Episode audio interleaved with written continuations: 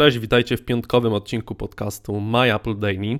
Wczoraj wieczorem Microsoft opublikował informacje dotyczące swoich wyników finansowych za drugi kwartał fiskalny 2017 e, roku. Pochwalił się również, że przychód ze sprzedaży systemu Windows producentom komputerów zwiększył się o 5% względem tego samego roku w okresie, w tym samym okresie w roku e, ubiegłym. Amy Hood, czyli e, wiceprezes firmy z Redmond odpowiedzialna za sprawy finansowe, poinformowała również, że firmy, które licencjonują Windowsa, sprzedają pakiety komputer od razu z Windowsem, odnotowały wzrost sprzedaży komputerów z segmentu premium. I przez segment premium Microsoft definiuje urządzenia, które są e, droższe, które trafiają na rynek amerykański w cenie wyższej niż 900 dolarów, czyli tyczy się to również e, wszystkich Surface'ów, Surface'a Studio, Surface'a e, Pro oraz Surface Booka. Nieco ponad miesiąc temu Brian Hall pisał, że konsumenci są rozczarowani e, nowymi MacBookami Pro i wybierają zamiast tego, przynajmniej na rynku amerykańskim, e, no właśnie Surface'y. Co ciekawe, Brian Hall, czyli no jeden z wiceprezesów e, Microsoftu, odpowiedzialny właśnie między innymi za linię Surface, dosłownie kilka tygodni po opublikowaniu tego, tego wpisu opuścił, opuścił Microsoft, wyniósł się ze Seattle do San Francisco gdzie teraz będzie pracował e, w startupie Doppler, Doppler Labs. E, taka ciekawostka.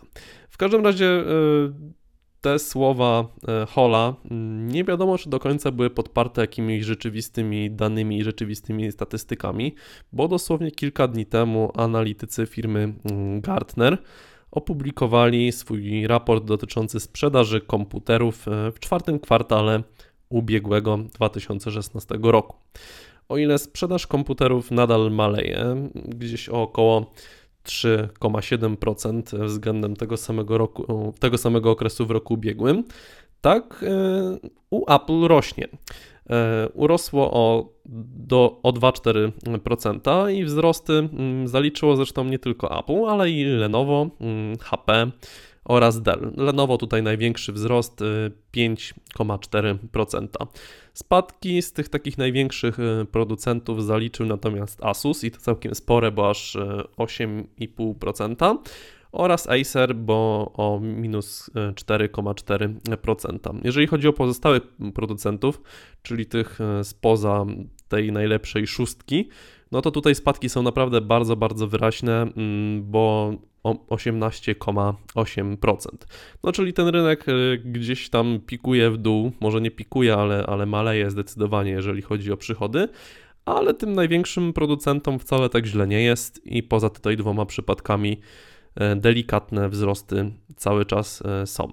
Oczywiście my dokładne dane dotyczące sprzedaży maków e, poznamy w czwartym kwartale, czyli w drugim kwartale chwilę, w czwartym kwartale kalendarzowym, czyli e, w pierwszym kwartale fiskalnym 2017 roku poznamy 31 stycznia, e, czyli e, we wtorek w przyszłym tygodniu. Natomiast jeżeli wierzyć w te słowa mm, Gartnera, no to sprzedaż maków faktycznie nie ma się źle. Na pewno na ten, ten wzrost o te 2,4% miała wpływ premiera nowych MacBooków Pro.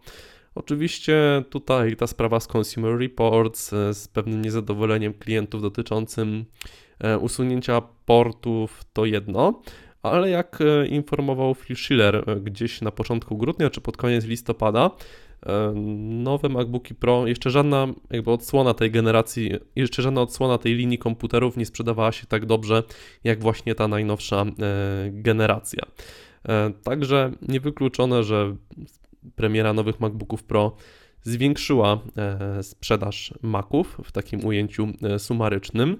No i wszystko wskazuje na to, że nie tylko Maci sprzedają się coraz lepiej, ale też komputery z Windowsem, szczególnie te droższe. No bo właśnie świadczy o tym zarówno e, raport Gartnera dotyczący sprzedaży po prostu komputerów w czwartym kwartale ubiegłego roku, Świadczy o tym też wyniki finansowe wczorajsze Microsoftu, czyli o 5% większe przychody ze sprzedaży licencji e, Windowsa producentom.